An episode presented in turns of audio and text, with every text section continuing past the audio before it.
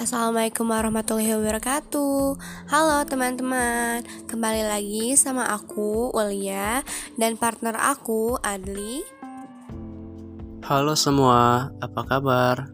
Semoga kalian semua sehat selalu ya jadi, teman-teman, di sini kami akan membahas tentang kenakalan remaja. Apa sih kenakalan remaja itu? Bagi semua orang, masa remaja adalah masa yang paling menyenangkan, tetapi juga merupakan suatu masa yang banyak menimbulkan masalah bagi remaja yang mengalaminya maupun bagi lingkungan pada umumnya. Pada masa ini, seseorang tumbuh dan berkembang dari masa anak-anak ke masa dewasa. Perkembangan meliputi perkembangan fisik, terutama yang berhubungan dengan kemasakan organ-organ seksual dan perkembangan psikososial. Pada masa ini, remaja berada pada suatu tahap yang secara fisik telah dapat berfungsi sebagai orang dewasa, namun secara mental dan sosial mereka masih belum matang. Sofian Willis mengelompokkan sumber kenakalan remaja lebih luas dan beragam menjadi empat bagian. Apa aja ya kira-kira? Yang pertama, faktor-faktor dari dalam individu remaja. Di antaranya predisposing faktor, yaitu faktor-faktor tersebut dibawa sejak lahir, Faktor lainnya yakni lemahnya pertahanan diri remaja dalam mengontrol dan membentengi diri dari lingkungan, dan faktor kurangnya dasar-dasar keimanan di dalam diri remaja. Yang kedua, faktor keluarga. Seperti remaja kurang mendapatkan kasih sayang dan perhatian orang tua, lemahnya keadaan ekonomi orang tua sehingga lemah pula dalam mencukupi kebutuhan anak-anaknya, dan kehidupan keluarga yang tidak harmonis.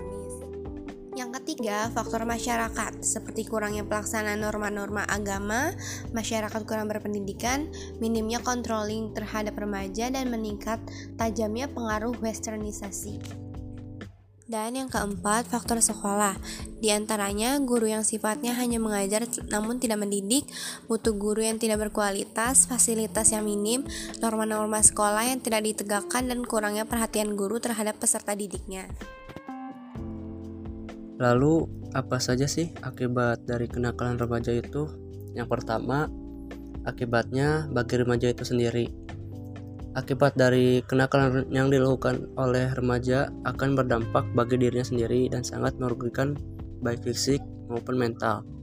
Walaupun perbuatan itu dapat memberikan suatu kenikmatan, akan tetapi itu semua hanya kenikmatan sesaat saja.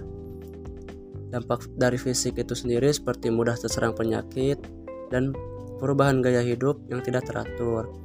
Dan yang kedua, akibat dari kenakalan remaja itu yaitu bagi keluarga.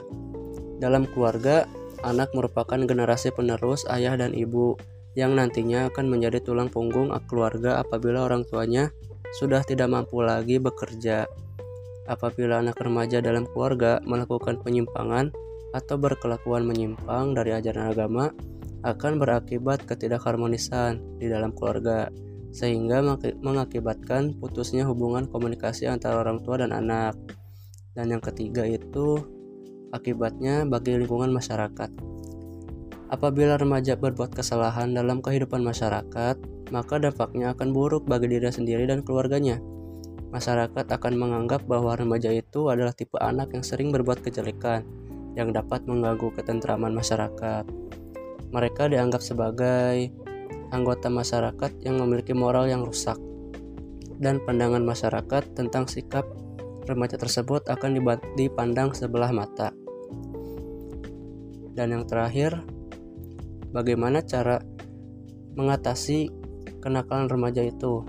Yang pertama, Remaja harus bisa mendapatkan sebanyak mungkin figur orang-orang dewasa yang telah melampaui masa remajanya dengan baik.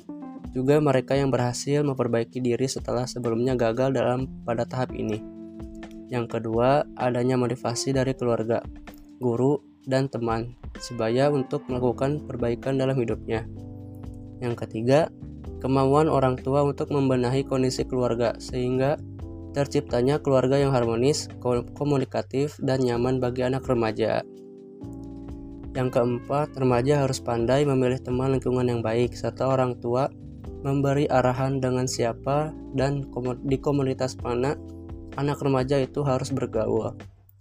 Yang kelima, remaja membentuk ketahanan diri agar tidak mudah terpengaruh jika ternyata teman sebaya atau komunitas yang ada tidak sesuai harapan. Yang keenam, pemberian pemberian ilmu yang bermakna yang terkandung dalam pengetahuan dengan memanfaatkan media massa, perkembangan teknologi dan organisasi yang ada di masyarakat. Yang ketujuh, memberikan lingkungan yang baik sejak dini, disertai pemahaman akan perkembangan anak-anak dengan baik. Hal itu akan membantu mengurangi kenakalan remaja di masyarakat. Dan yang terakhir, membentuk suasana sekolah yang kondusif dan nyaman agar remaja dapat berkembang sesuai dengan tahap perkembangan remajanya.